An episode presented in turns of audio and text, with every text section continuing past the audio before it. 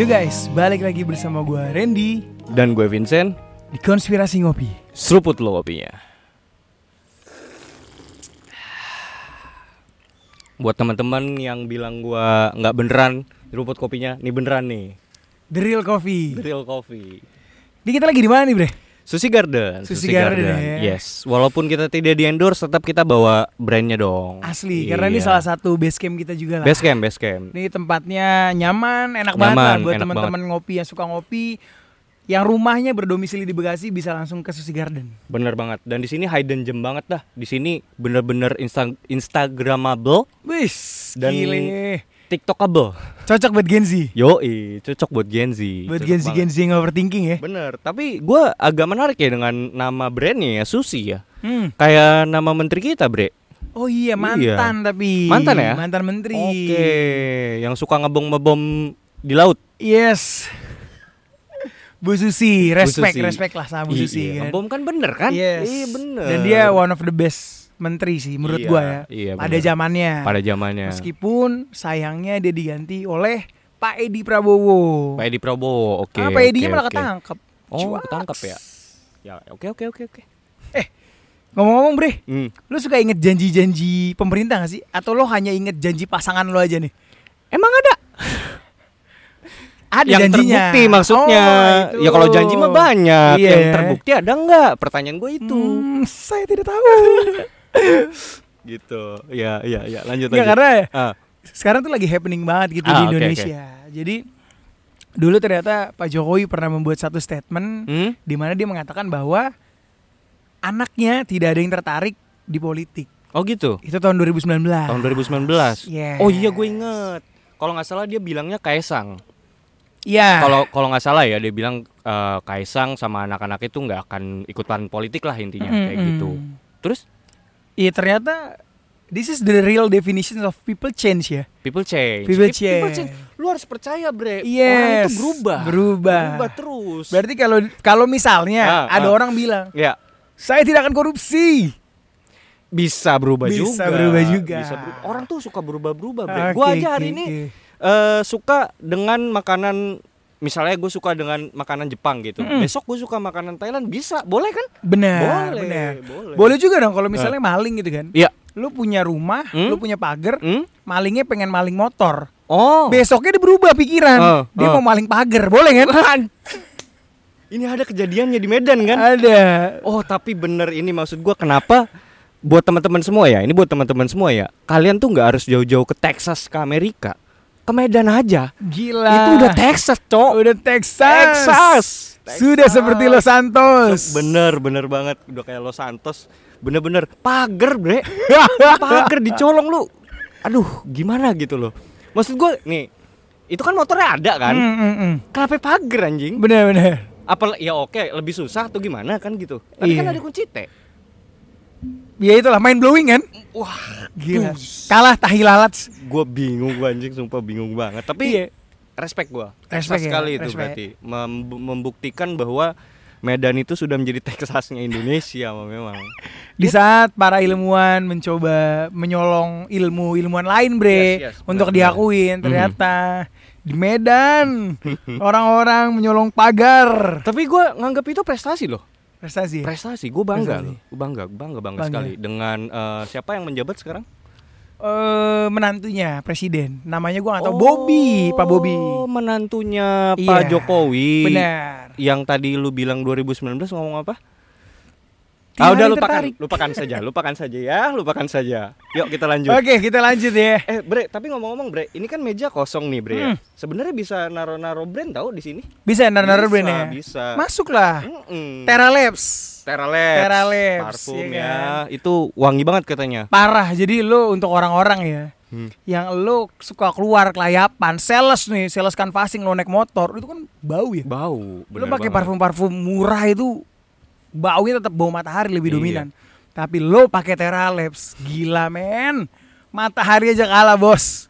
Iya iya iya. Jadi bau-bau matahari akan menghilang dari Anda ya. Asli dan mereka memang ada banyak varian dan Ya, ada ya, varian tuh yang wanginya seksi banget. Oke. Nah, ini ada nih si Mas Riko Aha. bidinya nih mau Yes, mau yes. kirimin kita parfum nanti. Nanti biar kita coba nih wanginya pasti kecium sampai tempat Lu mah yang internal-internal itu mah nggak usah dibawa-bawa, brandnya aja. Iya kan nanti kan masuk, tinggal Oke, kita siap, semprotin. Siap. Gitu. Dan kat- katanya denger-denger itu bau tujuh bidadari, Bre. Lebih harum lagi. Oh, lebih harum Serius lagi. parah, parah. Siap, siap, siap. Lo harus nyobain banget sih itu. Iya, iya. Terra Labs. Nanti Terra Labs, nanti yang lain-lain juga bisa masuk ya. Jadi ini eh, sekalian announcement juga buat teman-teman yang punya produk gitu, silakan email aja langsung ya, Bre. Atau nanti kita bi- baru pengen bikin Instagram. Instagram ya. kita baru pengen bikin Instagram, tungguin aja nanti kita announce. Eh, kalian tinggal DM aja eh, produk kalian atau punya kenalan, mama kalian atau papa kalian punya brand, silakan DM aja bisa diomongin. Yes. Kayak gitu. Oke, Bre, pembahasan kali ini kita mau membahas Yes. terkait alien exist. Waduh, alien, Bre. Alien. Oke, oke, oke. Kita terakhir bahas episode alien tuh apa ya? Yang menyangkut alien tuh apa ya? Episode apa ya kita? Kayak 2050 we're going to Mars gak sih? Atau ada lagi ya? Gue juga mungkin oh iya itu, lupa. tapi tapi nggak nggak nggak Nggak terlalu ya nggak Hmm. terlalu fokus di aliennya. Cuman kita memang ngebahas civilizationnya kan kayak Benar. gitu. Terus eh Anunnaki mungkin termasuk lah ya alien lah ya. Anunnaki ya, Iya, ya, oke. boleh lah. Oke. Kenapa eh, kenapa ya Bre kita kurang banyak ngebahas alien gitu? Karena ada be- ada beberapa pertanyaan kayak gitu Bre Mm-mm. masuk DM gua. Karena kita uh, so far kemarin kan kita banyak fokus di ancient civilization, kita fokus di demonologi, ya Oke, kan? ha-ha. kita fokus penyerangan terhadap antek-antek antek-antek demonologi, ya demonologi Oh, seperti demonologi, oke. si Trianomali, Trianomali, ya kita oke, fokus oke. serang mereka kemarin. Oke, Saat ini oke. karena kita sudah berteman sama mereka Ah, gitu kan, ah, ah, ah. akhirnya kita mulai fokus kalian. I see, I see. Gitu. Ya, ya, Apa ya, kita ya. perlu serang guru gembul ini? nggak usah, Oh, usah. ngapain nyerang-nyerang orang zaman sekarang demen banget nyerang-nyerang orang heran gua lu demen banget nyari musuh Bukan cari musuh, Kenapa? cari traffic. oh cari traffic siap siap siap formulanya Coki dan Muslim ya? Formula. oke baik baik baik tapi gini bre maksud gua eh, kenapa juga kita nggak terlalu banyak ngebahas alien mungkin karena itu tadi traffic entah kenapa ya kalau kita ngebahas tentang futuristik hal-hal yang futuristik dan eh, menyangkut tentang masa depan atau alien dan dan hubungannya dengan- saintifik gitu. Alien ini kan hubungannya dengan, dengan saintifik kan. Ini bisa dibilang ta- dalam tanda kutip ini eh, tahayulnya orang-orang saintifik gitu, Bre. Hmm, Bener gak sih? bener. Kan kalau misalnya eh, orang-orang yang spiritual, mereka tahayulnya ya ya hantu lah, bla Yes, bla bla. correct. Nah, kalau ini tuh hantunya Stephen Hawking. Yes. Ya dong, iya dong, bener kan? Nah, tapi traffic kurang di situ. Lo tau nggak kenapa? Kenapa? Masyarakat kita masih memikirkan colong pagar, bro. Bagaimana mereka memikirkan masa depan? Wadaw! Hei, pikirkanlah pesugihan di gunung. Kalau kata Coki itu apa yang lo harapkan dari negara yang racun tikus saja masih ada tulisan tidak boleh diminum. Wak, wak, wak, wak, wow. Apa yang anda harapkan gitu kan? Ya kadang-kadang gue setuju juga sama beliau gitu kan. The Paduka Coki Pardede ini gitu loh. Iya bre gitu loh. Ya tapi pada akhirnya kita di sini ingin mendobrak beberapa rules ya karena kita memang adalah seorang revolusioner Revolusioner. juga gitu. Kita dobrak aja, kita lihat apakah benar ini akan membuktikan trafiknya tidak baik atau bagus atau jelek? gitu. Pasti naik. Karena kita adalah konspirasi kopi. Yes, setuju banget gua. Jadi so guys teman-teman eh, hari ini kita akan ngebahas tentang alien. Ini anjing ngomong-ngomong makin panas bangsat gua. gua gua kayak gua kayak orang dihukum di ini tau gak lo di upacara bendera gitu. gitu ya? Iya, kepanasan gua anjing anjing. Tapi tidak apa-apa. Ini demi kalian guys ya. Oke, langsung masuk aja, Bre. Oke, pertajam analisa lo. Perkuat dengan Cocok cocok logi.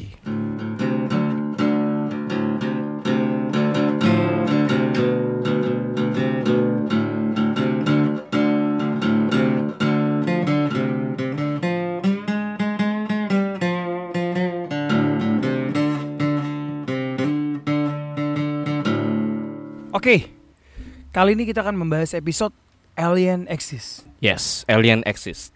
Ini dari judulnya mirip seperti lagunya Blink 182 nih. Oh iya, benar-benar. Ada ya judulnya Alien Access ya? Ada Iya, iya, yang nyanyi Tom Dylan kan? Tom DeLonge. Ya, Tom karena memang si Tom DeLonge ini dia dari kecil udah percaya alien, Bre. Oh iya, iya, iya, iya. Dia sangat draw in banget sama hal-hal yang berbau alien ini dan dia Hmm. sangat percaya itu. Iya, kalau itu benar. Iya. Karena memang dia kan juga membuat Oh iya, ya, gua- komik, series. Oh iya? Iya. Beneran? Iya, ngebuat dia. Oh, oh iya. Ada komiknya. Dia yang gambar. Dia yang gambar. Ih, keren doi. Dia jago gambar, Bre, si Tom Oh gitu. itu. Iya. Nah, terus kan dia juga bikin band tuh Angels and Airwaves kan. Oh iya, dia bau-baunya alien-alienan gitulah. Yes. Sci-fi ya, bisa dibilang kayak sci-fi gitu. Benar. Terus sama gue baru inget deh. Iya, dia tuh kayak uangnya itu itu difunding ke beberapa organisasi yang yang mendukung tentang keberadaan UFO atau UAP. Gitu, Bre. Hmm, Sampai dia Sampai segitunya. Maksud gue tuh bener-bener mendanai. Iya, Bre. Oke. Gila ya? To Gokil ya? prove the alien exists. Iya. Gokil sih nih orang ini nih agak unik gitu loh sih dengan Tom DeLonge ini gitu loh gua. Mhm, Gitu. I see, I see. Dan belakangan nih Bre, yang gokilnya bahkan di 2023 ini Amerika sendiri sebagai eh, negara adikuasa di dunia ya saat ini ya Oke. dan sentral dari segala bisa dibilang sentral sentralnya bumi lah ya bisa kita bilang ya itu sudah mengakui keberadaan alien ternyata Bre. Really? Yes. Dari kemarin ada suatu sidang Mhm. atau kongres di Amerika itu pada Juli 2023 baru banget bre. Oke.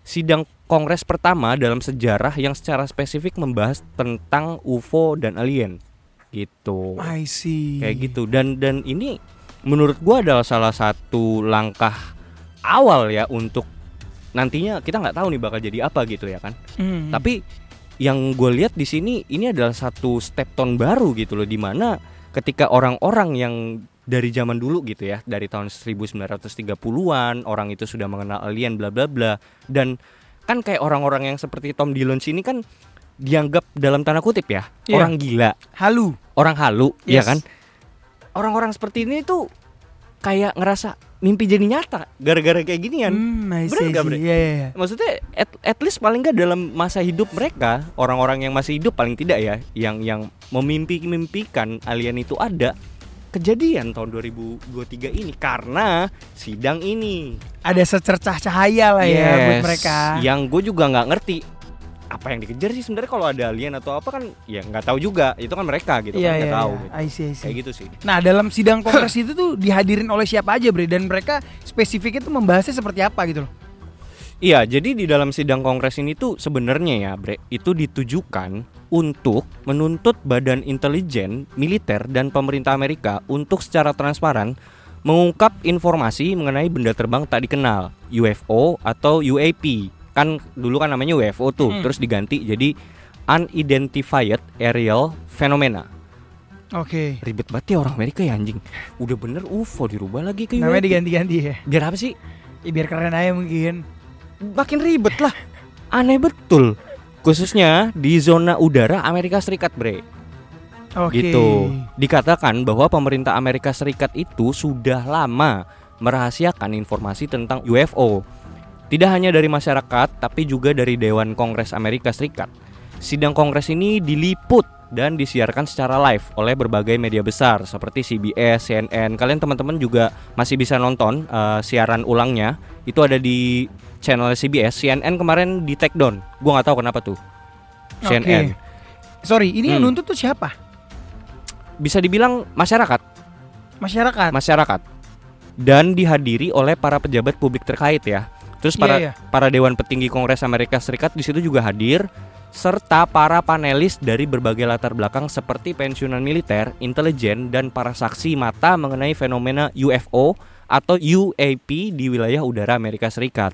Nah, jadi kalau lu tanya tadi siapa yang nuntut, ya para panelis ini. Jadi masyarakat yang hadir di situ ada sekitar 650 laporan Oke. menuntut pemerintah Amerika untuk transparan terhadap program yang berkaitan dengan UFO. Untuk membuka data ini. Yes, Gitu ya. Kayak gitu. Oke. Karena gini, Hmm. Bre. Karena sebenarnya ya, nah ini unik nih.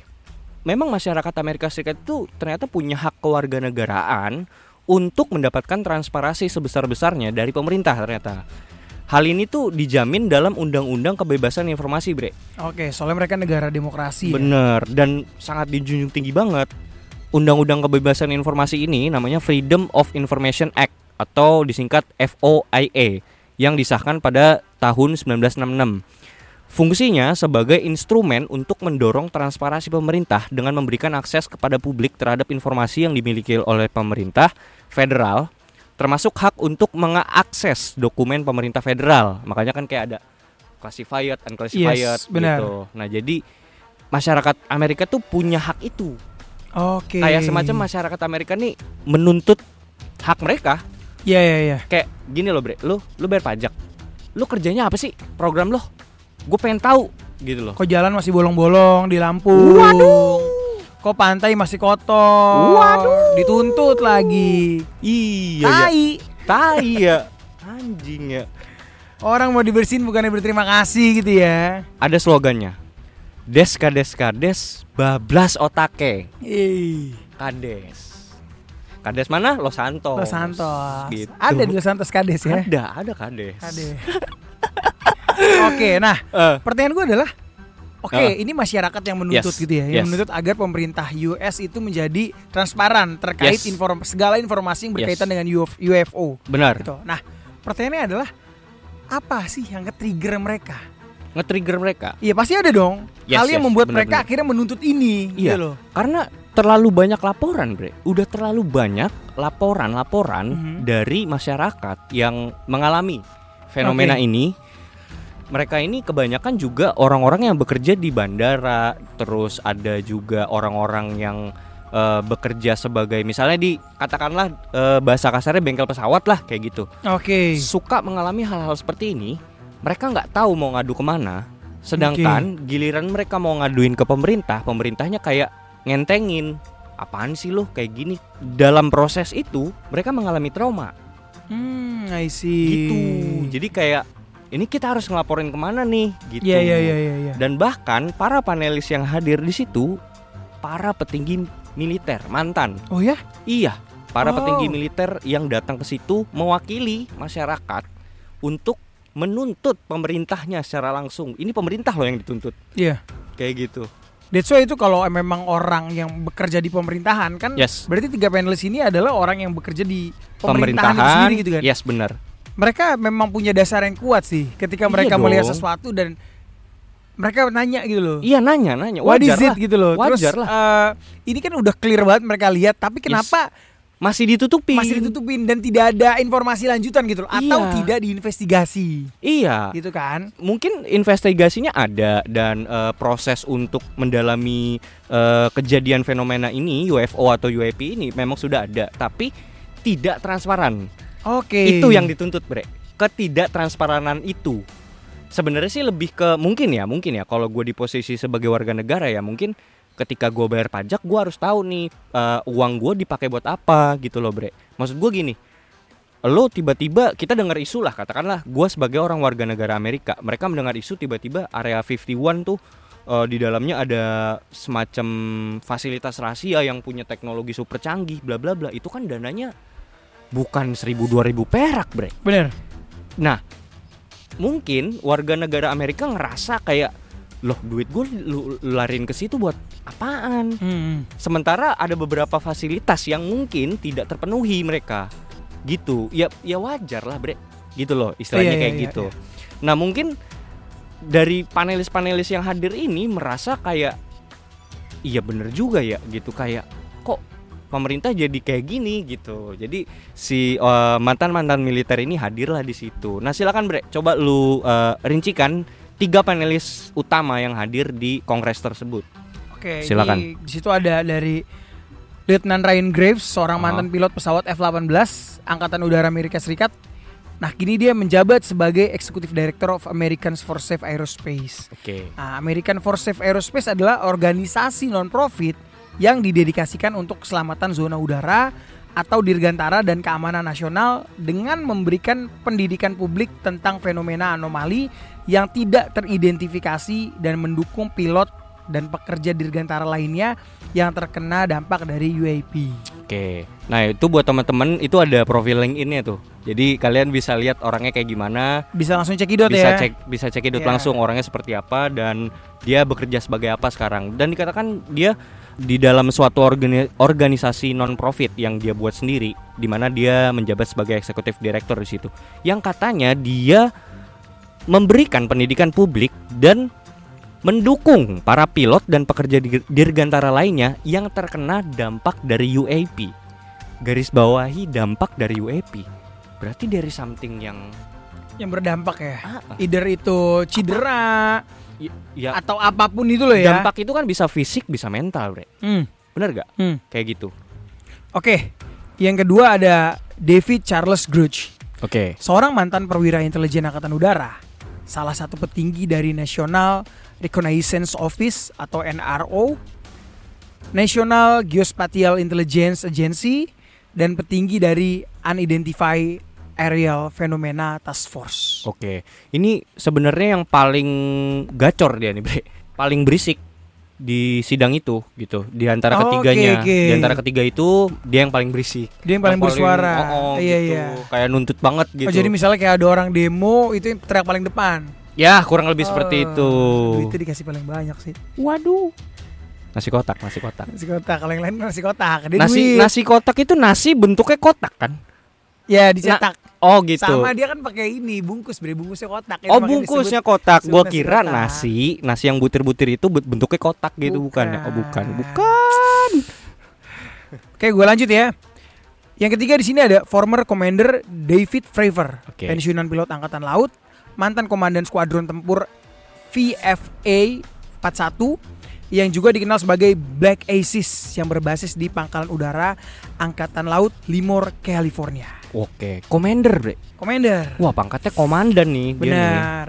Dan dia adalah salah satu saksi utama dalam insiden UFO USS Nimitz tahun 2004. Oh, gitu. Dan dia juga pernah tampil di film dokumenter PBS tahun 2008 yang berjudul Carrier. Hmm. Dan pernah jadi tamu di acara podcast Joe Rogan. Oh, udah pernah diundang. Pernah. Oh, ini soalnya si Jorogen nih demen yang gini-gini nih. Demen Joe Rogan. Demen-demen yang konspirasi-konspirasian Iya. juga doi. Menurut lo Joe Rogan demen konspirasi ngopi gak? Harusnya kalau kita tinggal di dekat-dekat dia ya, Demen khususnya di daerah Hollywood, pasti diundang kita, Bre. Pasti udah Iya. diundang. Soalnya kalau di top 200 Spotify kita sudah pernah menyalip Joe Rogan. Eh, serius loh. Iya, pernah menyalip. Ah, bohong lu. Serius pada saat itu kita peringkat 172, Joe Rogan tuh 180-an. Ih, serius lu demi apa lu anjing? Yes. Gua baru tahu anjing. Tapi region Indonesia, Bre. Iya, iya, iya. Iya, kita udah pernah nyalip dia. Anjing. Gokil gitu ya. Konspirasi Nah, ngopi nih, ya. Emang teman-teman ngopi. Gila keren luar dah. biasa Keren, emang keren, teman-teman ngopi nih. Tapi gua nggak tahu anjing mau ngomong apa anjir. Keren banget sumpah. Nah, lu bisa ceritain gak sih di Hmm. dalam sidang itu kan tadi Yes. sendiri bilang David Grush itu yang paling keras. Nah, lu Hmm. bisa ceritain gak secara spesifik itu sidangnya tuh berlangsung seperti apa, Bre? Oke. Jadi ini langsung kita ya masuk ke dalam sidangnya seolah-olah kita hadir lah di dalam Iya. Hadir. sidang tersebut gitu. Nah, jadi sebenarnya di dalam sidang itu si David Grush ini menuntut pemerintah federal AS dan Badan Militer Amerika Serikat untuk secara terbuka garis bawahi mengakui mengumumkan secara publik dan meminta kepada pemerintah federal untuk membuka akses informasi terhadap program-program rahasia terkait UFO dan UAP kepada warga negara AS secara transparan. Mhm. Transparan. Oke. Jadi sebenarnya yang dipinta sama masyarakat ini yang hadir di situ ketiga panelis ini eh, mewakili masyarakat untuk menuntut transparansi dari pemerintah gitu. Oke. enak ya warga negara Amerika tuh punya hak itu ya transparan ya. Kita kalau misalnya kayak KPK tuh kita nggak punya transparansinya. Quaks, quaks, quaks. Nah, dia ini meyakini pemerintah AS ini berupaya menutupi kemungkinan adanya kehidupan lain di, di luar bumi yang Oke. kemudian dikaitkan dengan alien. Nah, di sini sebenarnya ada tiga poin, bre, yang gua rangkum dari dari dua jam eh, sidang tersebut. Lama, bre, gue capek Eh, juga gua ngerangkum anjir. anjing. Udah kayak nonton sidang sianida loh. Iya. Alot banget ya namanya Alot. maksudnya kan kongres kongres di situ kan yang hadir bapak-bapak gitu kan Iya, alot iya. banget bre ngomongnya lama ya kan. Iya. Ini gue rangkum nih buat teman-teman ngopi semua ya. Nomor satu poin utama David Grass itu yang dia layangkan ada tiga tuntutan. Tiga tudingan ini terhadap pemerintah federal Amerika Serikat yaitu satu pemerintah federal AS telah mengetahui aktivitas dalam tanda kutip non manusia bahkan mengadakan kontak sejak tahun 1930-an dan secara sengaja tidak membeberkan informasi kepada publik as. Yang tadi gua maksud aktivitas non manusia dan kontak ini adalah fenomena UFO, UAP Oke. kayak gitu. Jadi menurut dia pemerintah federal AS nih bukan hanya tahu tapi sudah melakukan kontak Kontak secara dari langsung. 1930-an. Yes, dari Oke. tahun 1930 dan tidak membeberkan ini kepada publik Hmm, I see. kayak gitu. Oke, lanjut. Poin nomor 2. Poin nomor 2, sejak tahun 1930-an, pemerintah Amerika secara rahasia menjalankan program pemulihan bangkai UFO atau UAP yang terjatuh di berbagai titik lokasi wilayah yurisdiksial AS. Ini menurut kesaksian dia, Oke. kayak gitu. Lalu yang ketiga, pemerintah AS secara rahasia memiliki pesawat ruang angkasa non manusia dan menyimpannya di fasilitas-fasilitas rahasia negara seperti area 51 yang aksesnya hanya dimiliki oleh para pejabat tinggi Pentagon. Oke, jadi tiga tuntutan Tiga itu ya. tuntutan itu yang dilayangkan kepada eh, Dewan Petinggi Kongres lah, Oke, kayak gitu. pertanyaan gue adalah ya mungkin ini pertanyaan dalam kongres itu juga ya. Ya. David Grush bisa berpendapat demikian. Yes. Dia punya evidence nggak? Nah, itu dia. Nah, jadi kita harus sebenarnya kita harus melihat latar belakangnya dia juga nih. Oke. Kenapa dia hadir di situ sebagai tiga panelis utama lah juru kunci di situ sebagai penuntut. Mhm. Karena kan pasti ditanya, lu pernah ngalamin nggak? benar. Lu lu pernah berada di dalam sistem nggak? Kan pertanyaannya itu kan Yes. masyarakat kan. Sekarang gini, Bre, kalau misalnya yang hadir itu tiga panelis itu Kang Cendol gitu. yang ya gimana ya? Maksudnya kredibilitasnya mana kan gitu Bener. kan? Pasti yang ber Bagaimana kalau dia ternyata Intel tapi dia menyamar menjadi Kang Cendol? Bisa di Los Santos banyak Oh, banyak seperti tuh, itu. tukang bakso, tukang Iya, cendol. Banyak banget. Eh, Ini ya Kang Cendol bawanya sabu ya. Oh. Aduh, aduh. Sabun tadi gue denger ya. Oh, sabun. Emang buat Sabun. nyuci piringnya. Oh, benar, benar. Cuci mangkok. Benar. Ini apa kemampuan untuk ngeles-ngeles Anda udah bagus Ih. ya. Bagus, bagus. Itu diperlukan di dunia industri memang, Bre.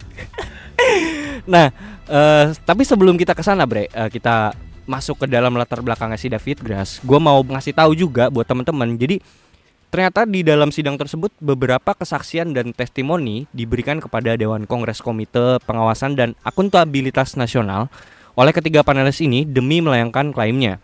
Sidang Kongres ini juga ini yang perlu digarisbawahi nih. Turut membahas penampakan UAP yang jumlahnya sekitar 650 laporan Oke. yang sudah dikumpulkan. Jadi lah mereka bawa itu semua ya? bawa itu semua. Ya mungkin ada beberapa saksi mata yang hadir juga di situ. Kayak gitu. Nah, terus David Grass dan ketiga panelis mengulangi beberapa klaimnya di bawah sumpah. Jadi Mhm. sebelum sidang dimulai pun itu mereka di, di disumpah dulu, Bre. Disumpah. Disumpah dulu. Kayak orang mau menjabat tuh dikasih sumpah dulu. Iya, ya. Heeh. Tapi nggak tahu dilanggar apa enggak kan? Iya. Iya. Ateis disuruh sumpah. Siapa tadi ngomong ya? Hah? Iya, siapa yang ngomongnya? Ada suara tuh. Iya. Di samping kesaksian dari pensiunan pilot pesawat tempur Ryan Graves ini dan pensiunan komandan angkatan laut David Fravor ini tentang pengalaman pribadi mereka terkait UFO, Grass bersaksi bahwa dia tidak dapat menguraikan secara terbuka beberapa aspek dari klaimnya, namun menawarkan untuk memberikan rincian lebih lanjut kepada perwakilan di Sensitive Compartment Information Facility.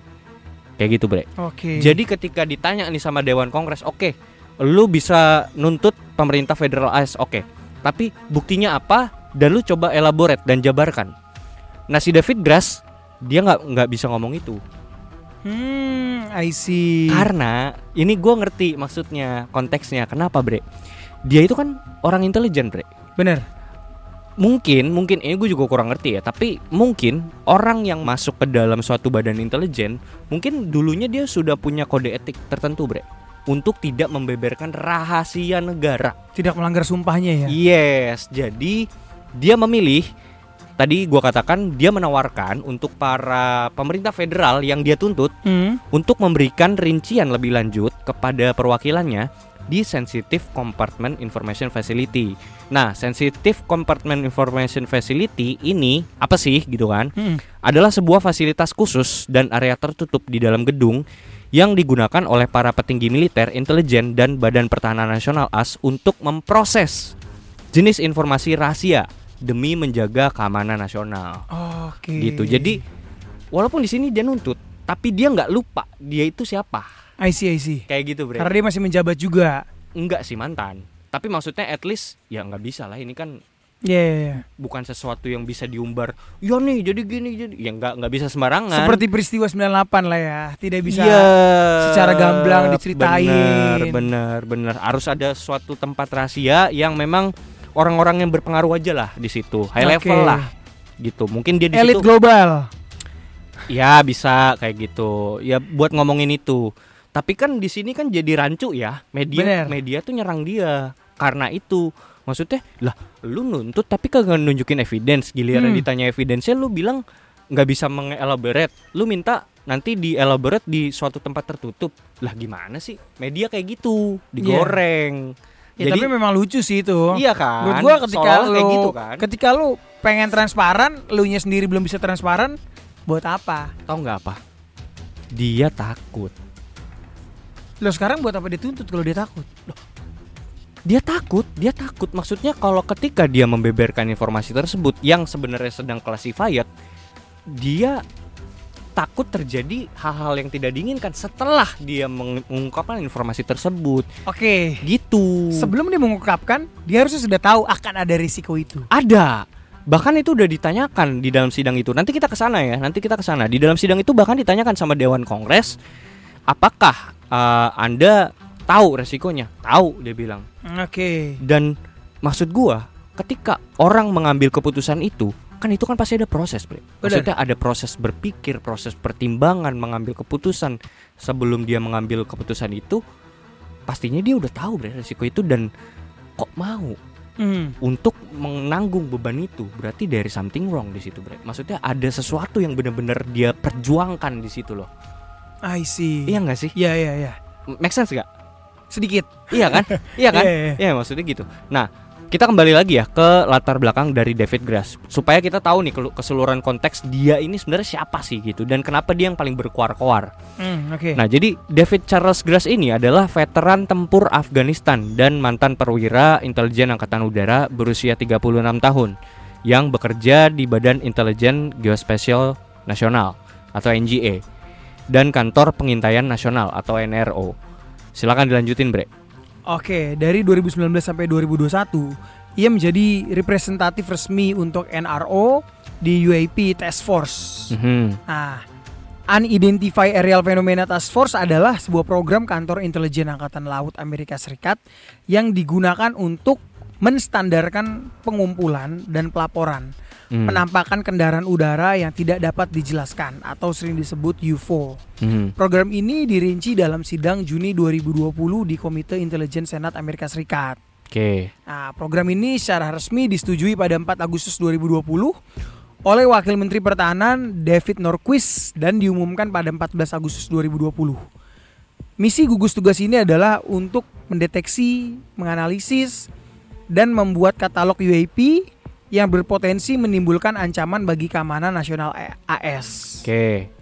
Lanjut ya. Ya. Dari akhir tahun 2021 hingga Juli 2022, ia menjadi salah satu pemimpin analisis UAP di NGA dan perwakilannya di gugus tugas tersebut. Dia membantu merancang Undang-Undang Otoritas Pertahanan Nasional tahun 2023 yang mencakup ketentuan untuk pelaporan UFO, termasuk perlindungan bagi para pelapor dan pengecualian terhadap perintah dan perjanjian kerahasiaan. Oke. Anjir, berarti dari sumber ini bisa dikatakan si David Grass ini adalah salah satu petinggi UAP Task Force. Yes. Anjing ada badannya ya. Benar. Ada divisi khususnya untuk menangani UAP ini. Ada lah, ada ada. Dan dia yang menjabat anjing. Dan dia bahkan membantu merancang undang-undang. Wow. Membantu merancang undang-undang. Kebayang nggak kapabilitasnya dia gitu kan? Iya iya iya iya. Berarti ya bisa dibilang tuh kayak dia kayak public relationnya nggak sih? Kan dibilang di sini termasuk perlindungan bagi para pelapor. Ya bisa sih. badan intelijen dia ya. Mhm. Tapi dia di divisi militer, intelijen militer yang punya tugas khusus menangani masalah UAP atau UFO, Yes. UAP Task Force. Bahkan itu dibentuk langsung dia memimpin langsung di situ. Oke, berarti nih orang bukan kaleng-kaleng anjir, bukan lah. bukan kaleng-kaleng anjir. Dia Udah high level dia. Iya, dan gue denger katanya dia senior intelijen udah 14 tahun, Bre. 14 Melayani years ya. 14 years gitu. Tapi tapi berarti gini, Bre. Kalau dia emang berada di dalam eh, bisa dibilang dia petinggi UAP Task Force gitu. Berarti kan dia punya akses terhadap fasilitas program rahasia Amerika dan juga punya file-file berkas-berkas tentang UFO itu, Bre. Enggak dong.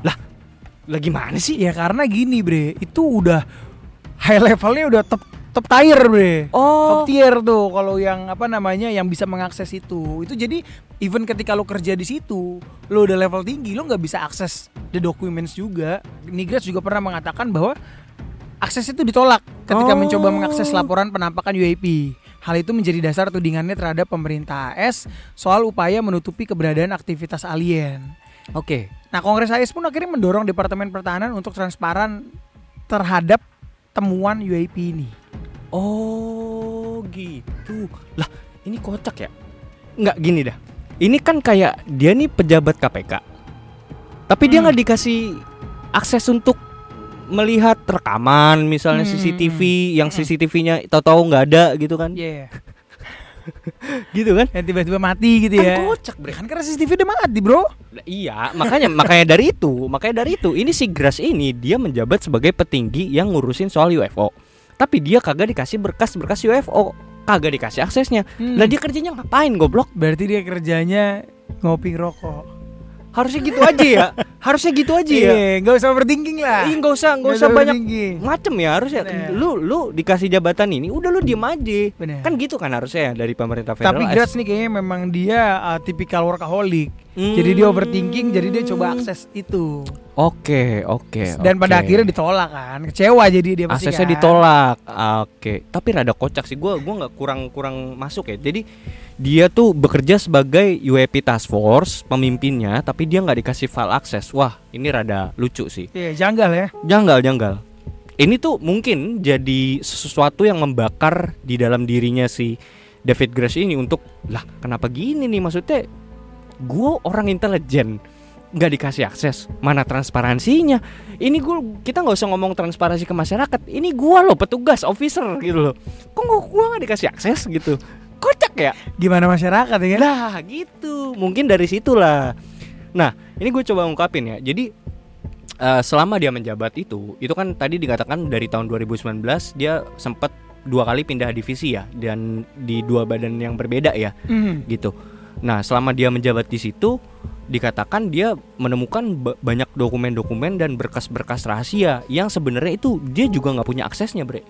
Dia aja dia minta akses itu ke high level di atas dia dia yang punya wewenang di situ nggak dikasih akses dia Yeah. itu seolah-olah tuh dia minta file akses itu diam-diam loh Oke. Iya kan kayak gitu. Di dalam sidang itu juga dia mengatakan dia nemuin satu dokumen ini.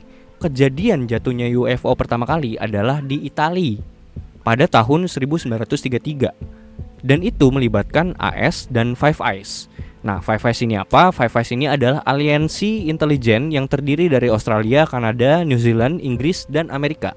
Oke. Negara-negara ini adalah pihak dalam perjanjian multilateral Inggris, sebuah perjanjian untuk kerjasama bersama dalam bidang intelijen.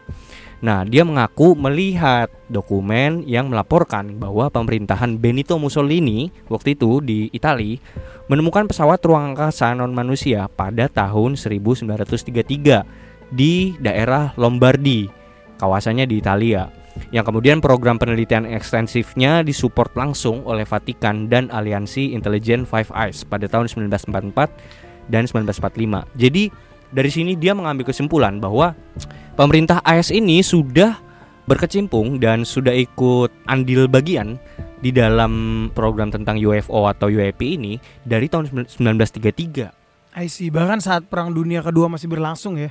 Iya gitu. Jadi dia bisa bilang bahwa sebenarnya ini kebohongan publik ini udah 80 tahun gitu loh. Ya ya ya. Dari dokumen tersebutlah dia menemukan bahwa ternyata AS itu udah tahu dari tahun 1933 gitu. Yang banyak isunya dibilang alien tuh jatuh pertama kali ditemukan pertama kali itu di Amerika, di Meksiko, bla bla bla, di India. Enggak, ternyata di, Di Itali ya ternyata ya. Dari dokumen ini. I see. Gitu. Mungkin dia pengen ketemu Paus Benedictus mungkin. Bisa. Iya kan? Mau ngapain tuh? Ya tokoh kan tokoh agama. Oh iya. bener. Barangkali mereka ingin membawa agama baru. Oh bisa, Bisa kan? bisa, bisa, bisa, bisa. Nah, kesaksiannya si David Grace apalagi tuh di dalam sidang itu? Oke, ini kesaksian dia yang kedua ya. Hmm. Nah itu tadi yang kita jelasin di awal bahwa si David Grace ini nggak dikasih akses Oh. untuk melihat laporan yang berupa file, video atau apa pun yang berkaitan dengan penampakan fenomena benda terbang tadi kenal Oke. dengan alasan classify. Dia Kok juga mengatakan ya? bahwa UAP Task Force tidak memberikannya akses ke broadcast retrieval program atau secret UFO retrieval program. Ke broadcast retrieval program. Yes. Oh, jadi dalam wawancara eksklusifnya juga, Bre. Jadi ntar gua kasih linknya di bawah ya, teman-teman bisa lihat sendiri. Dalam salah satu wawancara eksklusif sebelum kejadian sidang ini, si David Grace tuh pernah diwawancarain sama wartawan jurnalis senior Ross Coulthard, orang Australia, di program berita News Nation TV Amerika lah, yang ditayangkan 6 Juni, berarti sebulan sebelumnya tuh. Kan sidangnya bulan Juli tuh. Hmm. David Grace pernah menjelaskan tentang broadcast retrieval program ini, Bre. Itu apaan sih broadcast retrieval program itu? Oke, broadcast retrieval program tuh program investigasi dan usaha pengumpulan puing-puing kendaraan terbang teknikal yang bukan berasal dari bumi yang dijalankan oleh badan militer di sebuah fasilitas tertutup rahasia yang berada di lokasi titik jatuh benda terbang tak dikenal atau UFO. Oh, Dalam interview tersebut, dia juga mengatakan bahwa program fasilitas ini jumlahnya ada beberapa. anjir.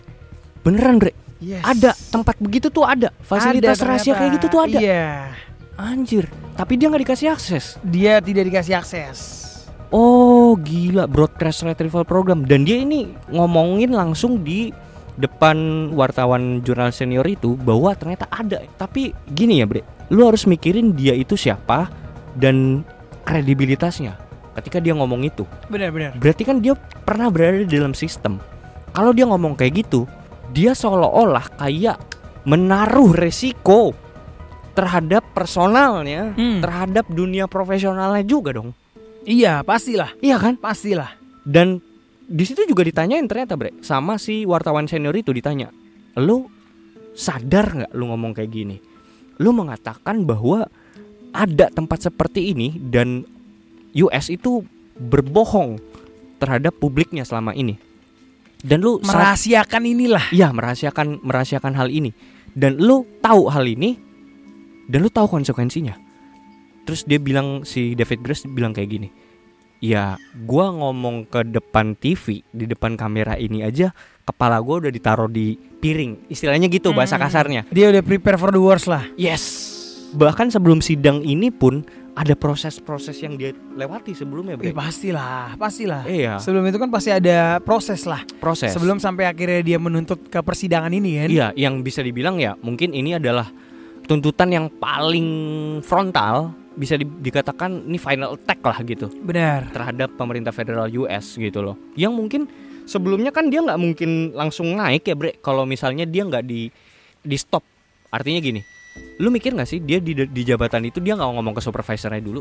Pasti ngomong kan? Iya. Paling nggak dia ngomong dulu ke bos ya bos. Nih dia gini, tanya, gini gini gini dia minta izin dah segala iya macam dong. gitu kan. Maksudnya minta izin dalam artian, bos kenapa sih gua kerja begini, tapi kok gua nggak dikasih akses? iya dong, dia pasti nanya dong sama bos ya kan. Tapi mungkin bosnya yang kayak, alah apaan sih lu udah di lu gitu. Kan, Udah do your job. ah do your job. Nah di situ mungkin. Oke lanjut.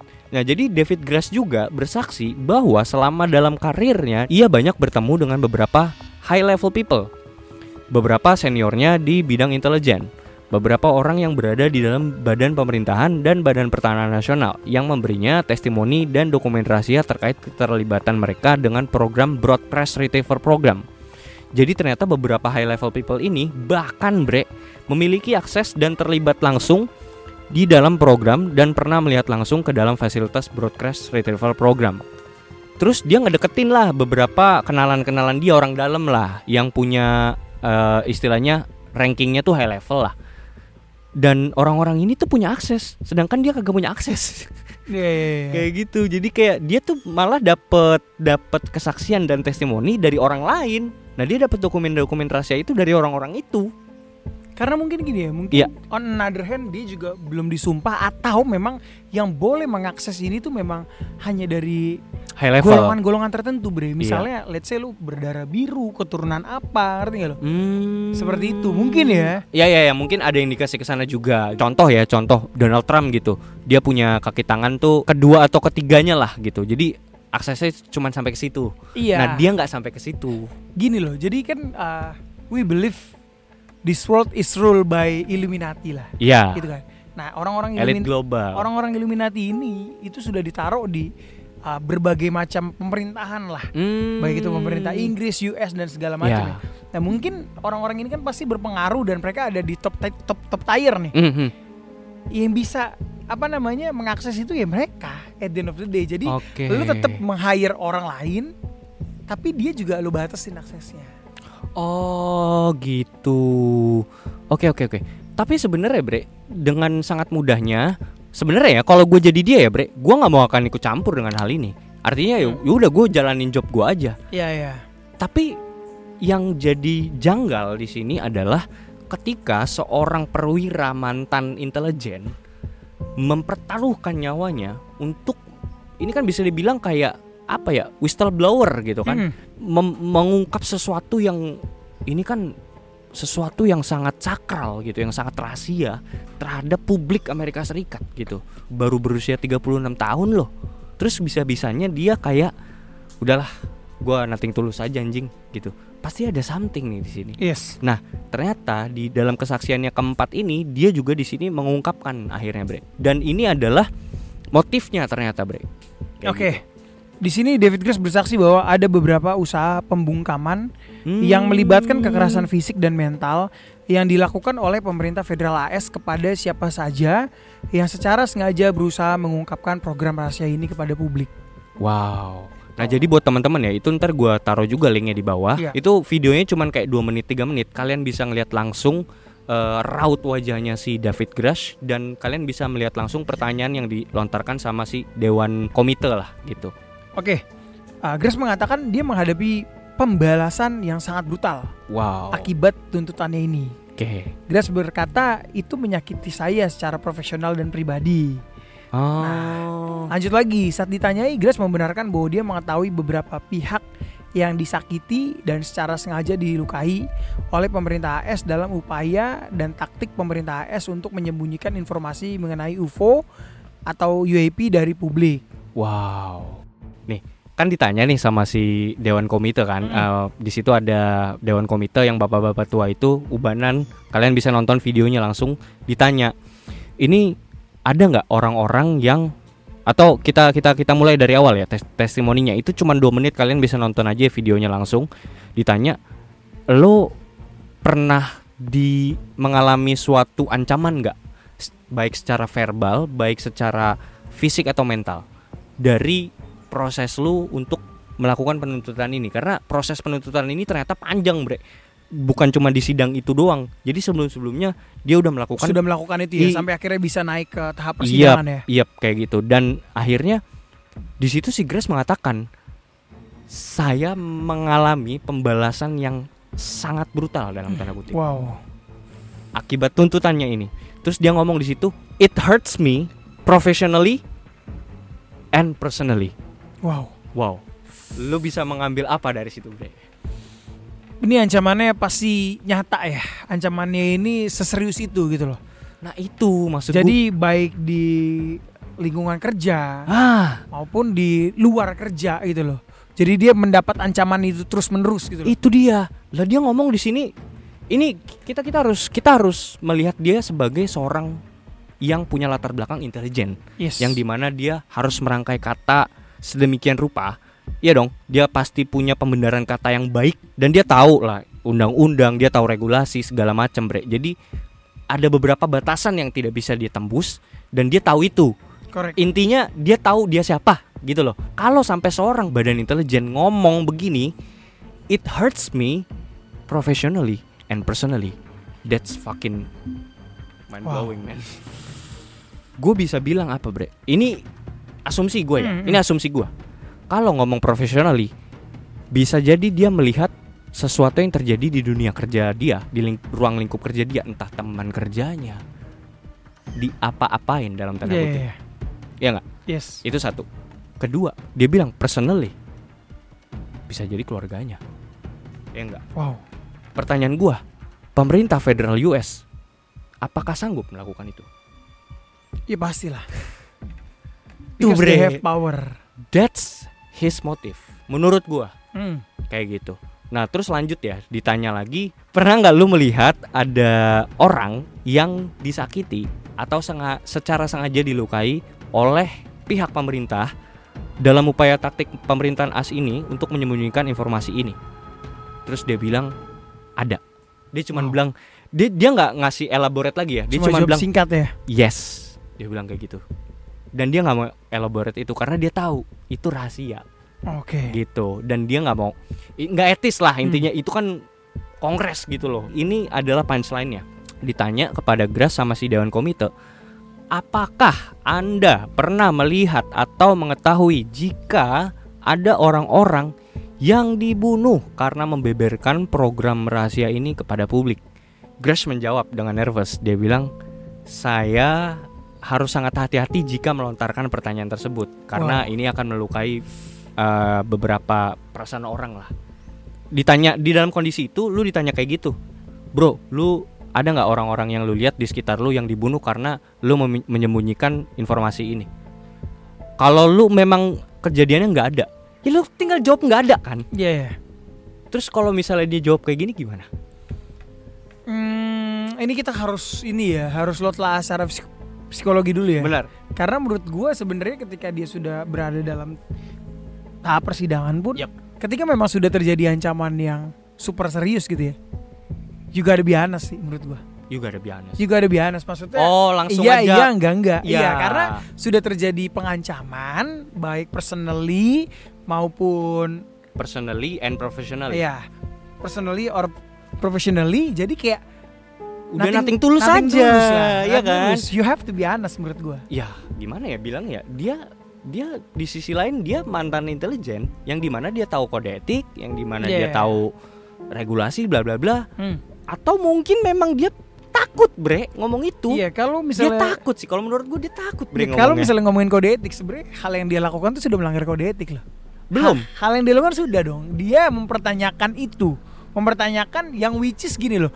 Which is every government has their own secret. yes punya rahasianya masing-masing Iya. benar Dan he knows it is one of their secrets. Ya. Gitu loh. Jadi what's the point of you asking that kind of question? ya ya ya nah mungkin mungkin yang yang harus dielaborate di sini adalah mungkin ya gue nggak tahu lah batasan eh, yang perlu diungkapkan kepada publik yang mana Hmm. misalnya nih buah yang lu perlu ungkapin tuh sampai sejauh mana gitu Iya. kulitnya aja atau buahnya aja mungkin yang Benar-benar. diungkapkan di sini masih kulit makanya kan dia menawarkan kepada pemerintah federal Amerika untuk yuk kita ngobrol bareng di area tertutup Oke. untuk mengelaborate ini Yeah. karena nggak etis rasanya kalau kita mengelaborate ini gitu ini yang gue sampaikan baru kulit mungkin seperti itu kayak gitu Hmm. tapi yang jelas di sini yang gue mau tekankan di sini kepada teman-teman kalian semua kalau kalian nonton videonya secara langsung maksud gue gini sesimpel ini bre kalau memang dia tidak pernah melihat ada korban yang dibunuh.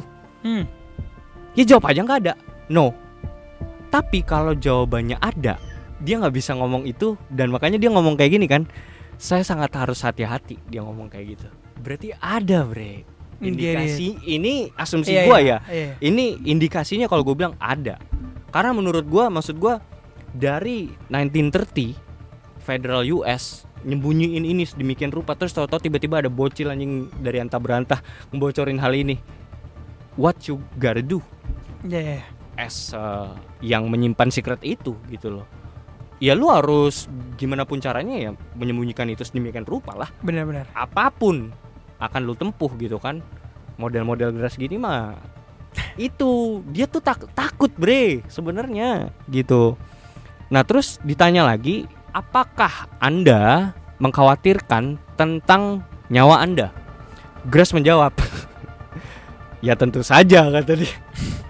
Ya tentu saja. Terus dia menambahkan tapi di akhir poin dia berusaha bijaksana dan men- mengambil rasa ketenangan itu diambil. Terus dia ngomong gini Tapi paling tidak saya berharap bahwa tindakan saya ini pada akhirnya memberikan konklusi membawa hasil positif berupa peningkatan transparansi pemerintah kepada masyarakat publik Amerika. Jadi Hmm, intinya sebenarnya goalnya jelas, goal dia itu. Cuma transparansi aja ya. Yes, itu. Dengan menukarkan nyawanya gitu loh, Bre. Agak Itu pertaruhan yang luar biasa luar sih. biasa sih. Pertaruhan yang biasa. sangat luar Tapi biasa. mungkin maksud gue sih sebenarnya yang yang gue jadiin ini ya, yang jadi pinpoint di sini sebenarnya mungkin mungkin kalau dia bisa mengambil keputusan yang sangat berat ini, pasti di situ ada suatu kejadian yang sangat tidak mengenakan dia, baik secara profesionally dan personally. Mungkin ini asumsi gua bisa jadi teman kerjanya yang dia kenal udah berapa puluh tahun dia kerja di di situ, Mhm. Ada yang diculik mungkin, Bre? Atau apa? Hmm, ada Petrus berarti di sana. Ya bisa jadi kan. Benar. Kenapa tidak? Untuk hal-hal sensitif seperti ini kenapa tidak kan gitu kan? Benar, pasti pasti ada lah. Dan makanya dari itu dia harus bertindak itu loh. Yes. Itu yang gue lihat sih begitu. Itu yang lo lihat dalam melatar belakangi tuntutan Mm-mm. ini terjadi ya. Iya, karena terlalu maksud gue gini, motif apa lagi selain ya itu mu- mungkin yang Iya, bisa iya. gue ini kan lah. Iya, si mungkin itu. Eh gue akan coba lihatnya dari dua sisi. Hmm. Sisi pertama adalah he's telling the truth bahwa memang ada rahasia yang ditutup-tutupi oleh pemerintah Ya. US dan dia mencoba untuk berjuang gitu Hmm. loh. As a warrior kalau kata Pak Prabowo tuh as a pendekar. Oke. Sebagai pendekar dia berjuang untuk apa namanya? eh membuat itu terungkap lah. Ya membawa keadilan itulah Iya, karena intinya di situ ada yang tersakiti. Benar. Itu benar, benar. itu itu poinnya itu, Bre. Karena sebenarnya kalau cuman rahasia doang mah ya bodo amat. Hmm, hmm. Tapi kalau misalnya ada yang tersakiti atau bahkan terbunuh di situ, itu udah nggak beres. Agree. Gitu. Nah, tapi dari sisi yang kedua, Ya. yang gue lihat adalah Ini dari sisinya si pemerintah nih. iya Oke. dari bukan dari sisi pemerintah, Oke, oke. tapi dari sisi lain aja. Berarti pihak ketiga. Ya, Oke, dari sudut pandang ketiga kita melihat. yes. Oke. Yang gue lihat adalah Hmm. anjing ini rekayasa semua. Oh ya? Rekayasa untuk apa? Aha. Untuk memperkenalkan UFO di beberapa tahun yang akan datang. Oh, lu malah ngeliatnya ke situ. Iya, tapi gue gue juga tidak bisa uh, Iya, iya, iya. condong ke mana-mana. Oke, tapi gue oke. coba coba ngeliat dari dua sisi aja. Sisi yang pertama adalah yang tadi gue bilang he's telling the truth dan dia mencoba mengungkap takbir ini gitu kan. Nah yang kedua adalah ya ini semua skenario gitu loh. Oke. It's part of the plan di mana ada satu orang yang nuntut uh, Iya, iya, iya. pihak US akan menjadi pihak yang tersakitin Hmm. gitu kan, pihak yang dituntut dan nanti mereka akan coba ngebongkar semuanya. Ya, Guru Gembul juga pernah bilang dia dia yakin bahwa dua tahun lagi alien, Hmm. Alien akan itu akan jadi familiar aja sama Iya. kita. Kayak maksudnya be, be aja lah gitu ya. akan di reveal dia bilang gitu kan. Oke. Nah ini yang gue lihat dari sisi kedua Hmm. yaitu Hmm. ini mencoba dibuka jalannya oh. supaya nanti alien itu akan diungkapkan. gini lah ya, trailer. Yes. Iya, trailernya 2023, kejadiannya 2025 misalnya. Yes. Oh, gitu. Supaya apa? Supaya lu nggak kaget dan lu jadi familiar dengan itu dan lu jadi kayak biasa aja. Benar, benar. Tapi apakah alien yang akan di reveal ini adalah beneran alien Iya, iya, iya. Or they're just like ciptaan manusia Yang dibuat-buat. yang dibuat-buat Oh, oke, oke, oke. gitu. Tapi memang ini adalah Agak kompleks ya. bersiaplah ya menurut bersiaplah. gua bersiaplah untuk teman-teman ngopi untuk Mhm. umat-umat manusia bahwa something weird is about to happen. Will happen ya. Karena memang udah banyak tanda-tandanya banget ya. Iya. Iya, Bre. Ya, kayak Kayak kemarin gitu. pemerintah Meksiko tiba-tiba Iya. ngasih mayat dia bilang wah ini mayat alien Mayat alien anjir Iya. itu di dipajangin di depan publik anjing. Iya, Maksud maksudnya- di video itu aduh gua ngeliatin dari berjuta-juta kemungkinan wujud alien Iya. kenapa bisa mukanya itu persis dengan yang ada di buku gambar kita bro Itu dia maksud gue. Itu satu lah ya. Kedua tapi maksud gue caranya itu loh yang sangat tidak elegan untuk suatu negara gitu Iya, yang iya. yang yang resmi gitu loh. Itu kan secara resmi, Bre. Lu memperkenalkan ini loh mayat alien anjing udah kayak nunjukin jenglot anjing di apa apa tuh yang biasa di pasar malam tuh? Iya, iya. Rumah hantu rumah hantu. rumah hantu rumah hantu Bangsat, gocengan anjing. Cara lu gocengan. itu Ngerti gak lu? Nah, itu dia maksud gua receh banget pemerintahnya anjing. fuck fuck Lah ini apakah mereka ini kembaran Los Santos? Kan gitu bre. Iya kan maksud gua? Kok nggak elegan banget loh maksud gue Meksiko loh. Lu sebelahan tet- tetanggaan sama Amerika gitu loh. Please lah gitu. Masa lu acara gocengan sih gitu loh. Ya nggak sih bre? Ya, Aneh ca- banget ya. caranya Iya, elegan iya. dikit lah. Ya mungkin mungkin sidang kongres ini agak elegan. Hmm. ya nggak? Agak elegan kan? Dan memang kalau yang ini ya, yang dari sisi kedua tuh yang gue lihat, mungkin banyak orang yang akan wondering, itu terus alasannya apa? Alasannya apa? Alasannya apa? maksudnya alasan apa, apa Alasan kenapa si US nih membuat skenario seperti ini gitu kan? Mm-mm. Membuat skenario seperti wah dia dia dituntut terus nanti akan ada alien yang akan mereka Ya, reveal ya, gitu. ya, ya, ya. Alasannya apa? Alasan nomor satunya Mhm. yang paling make sense menurut Iya, gua iya. yang akan merujuk ke arah sana adalah penyesatan. Hmm. There is there is no God in the world. Oke, mau di ah, bawa ke sono. Yes. Wah, ini lebih bigger picture itu ternyata ya. Iya, itu sisi lainnya ya. Itu hipotesa lu lah. Iya, ya, tidak iya, iya, nggak iya. apa-apa juga Benar. gitu. Tapi Bre, yang gue paling penasaran Bre, ini, ini kan tadi kita udah ngebahas tentang rapat ini yang kita Mm-mm. juga nggak tahu muaranya akan ke mana. Bener. Dan gue juga belum ngecek nih, nih orang masih hidup apa enggak nih? iya Bre, gue Iya. penasaran juga loh. Ini orang masih hidup gak nih? Ya kan biasa Bre itu mah ya kan Toto hilang ya kan. Skenario terbaiknya memang dia dihilangkan. harus hilang. Loh. supaya apa? Supaya ini akan menjadi the biggest question. Iya dong, jelas. Itu akan menjadi skenario terbaik. terbaik. Loh, gue juga jadi pemerintah ah, sama. Katakanlah ini bener gitu ya. Lu besok itu hilang lah tuh orang katanya kan. Gampang, Bre. Se semudah jentikin tangan, tek gitu, hilang. Dan itu akan menjadi drama terhebat sepanjang sejarah. Karena apa? Iya, Tidak terjawab. Tidak terjawab. Dan biasanya kan kayak gitu. Kayak dulu kita pernah bahas tentang eh, kejadiannya CIA itu loh, Iya ya. yang Andrew. Andrew Dawson Iya. kayak gitu-gitu hilang tiba-tiba. Eh, biasalah Amerika ya kan. Bukankah di Los Santos seperti itu? Paman Sam. Tapi gini Bre, yang menarik di sini oke lah. Soal rapat itu kita kesampingin dulu. Kita sekarang masuk ke dalam eh, pembahasan pertanyaan refleksi nih Bre sebenarnya. Yang paling gue bikin penasaran tuh sebenarnya menurut lo sendiri lo percaya nggak sama alien ini? Jadi kita mau kita mau muaranya ke situ tuh. Oke. akhirnya. Lo sendiri dan menurut lo pribadi definisi dari alien atau UFO yang ada itu apa sih menurut Oke. lo? Kalau lo Dari alien ya. Alien Versi kan lo. berarti adalah makhluk uh, planet lain ya, Mm-mm. gitu kan. Nggak harus dia lebih pintar atau lebih bodoh gitu kan. Ya, tidak ada ti- Iya. bahkan mikroba di Yes. luar angkasa pun itu alien. Correct. Ya itu ada menurut gua. Ada, Karena oke. berjuta-juta, bertriliun-triliun bintang. possibilities. Hmm. Possibilities itu banyak pol, banyak banget. banyak banget gitu loh. Ya, ya, ya, ya. Dan kemungkinan ada satu kehidupan lain selain di planet bumi atau berjuta-juta kehidupan lain di planet bumi, gue percaya ada Hmm. gitu. Tapi untuk alien-alien yang di reveal, Yang sekarang iya dari US dan segala macem, gue rasa itu made up sih, Made made, up, up, story made up. yang nanti akan dikemas dengan luar rupa. biasa dan itu buatan mereka. Hmm. Gitu ya. Itu kalau dari lo ya. That's what I believe. That's you believe ya.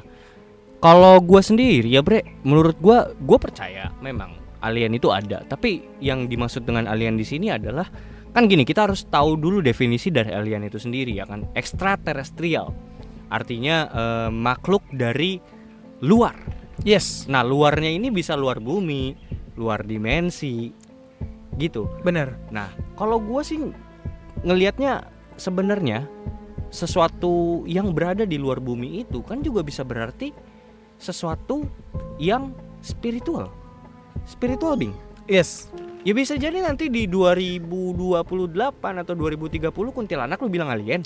Loh, bener bener bener. kan dia berada di luar. Iya masuk, Definisinya masuk kan? bener. gitu jadi kalau gua kalau gua sendiri ya ini yang gua yakini ya bahkan menurut gua alien itu sama dengan malaikat kalau gua Oke. Jadi kalaupun katakanlah yang kita anggap sekarang sebagai orang-orang yang berada di dalam agama ya khususnya Hmm. dalam agama samawi kan kita percaya malaikat iblis bla bla bla itu tidak ubahnya alien kan mereka berada di luar Oke, get it, get it. iya dong Iya, iya. Jadi itu diklasify as Bener. alien juga oleh orang-orang yang tidak percaya. Tidak Iya. percaya religion ya. Iya, jadi kalau menurut gua pribadi ya, Hmm. menurut gua jangan-jangan alien yang kita lihat atau yang di reveal sama uh, masyarakat dunia saat ini atau misalnya kelihatan di angkasa bla bla bla itu jangan-jangan malaikat. Oke. Sama dengan yang pernah kita bahas. Sama dengan Anunnaki di mata orang-orang Mesopotamia zaman dulu yang dianggap sebagai dewa. Oke. Make sense gak sih? Iya gak Make sih? sense, make sense, make sense. Bahkan bahkan ya dalam literasi kitab Henok sekalipun Henok tuh pernah ada suatu ketika mengendarai kendaraan yang seperti piring terbang. I see. UFO berarti ya. Ya itu kan kata-kata kita. Tapi di situ tulisannya seperti piring yang terbang Wow. untuk mendatangi kediaman para malaikat jatuh yang ketika itu sedang dihakimi oleh Tuhan. Jadi kalau menurut gua ya, ini menurut gua. Mungkin kalian teman-teman ngopi punya pendapat lain silahkan ditulis di kolom komentar. Kalau menurut gua alien adalah sama dengan malaikat. Oke. Gitu. Ya, apa pun itulah tapi ya mungkin ada yang bohong juga, Hmm. ada yang beneran juga karena eh, beberapa penampakannya juga ter- pernah terjadi juga di Indo gitu. Bahkan bukan cuman kayak bentuk piring terbang tapi kayak cuman kilatan cahaya, ya bisa jadi lu ngeliat malaikat kan? Yes. Kenapa enggak? Agree, agree. Kan kayak gitu. Cuman mereka mengidentifikasi itu wah itu UFO tuh. UFO, UFO, Gitu. alien tuh gitu Alien kan. tuh, gitu kan. Ya ya nggak apa-apa juga kan Iya. karena lu nggak percaya agama kan gitu. Ya udah kan gitu. Ateis. Iya gitu. Ya udah sih kalau gue sih gitu, Bro. Gitu. Oke. Gitu sih, Bre. Oke, gue mungkin ada tambahan sedikit gitu Hmm. ya. Gue ada tambahan sedikit nih. Ini terkait penyesatan, Bre. Oke. Nih ada satu ayat ya. Oke. Satu ayat dari 2 Korintus 11 ayat 13 sampai 15. Mhm. Uh, sebab orang-orang itu adalah rasul-rasul palsu, pekerja-pekerja curang Hmm. yang menyamar sebagai rasul-rasul Kristus. Hmm. Hal itu tidak usah mengherankan sebab iblis pun menyamar sebagai malaikat terang. Oh. Jadi bukanlah suatu hal yang ganjil jika pelayan-pelayan menyamar sebagai pelayan-pelayan kebenaran kesudahan mereka akan setimpal dengan perbuatan mereka. Konspirasi ngopi? Seruput lo kopinya.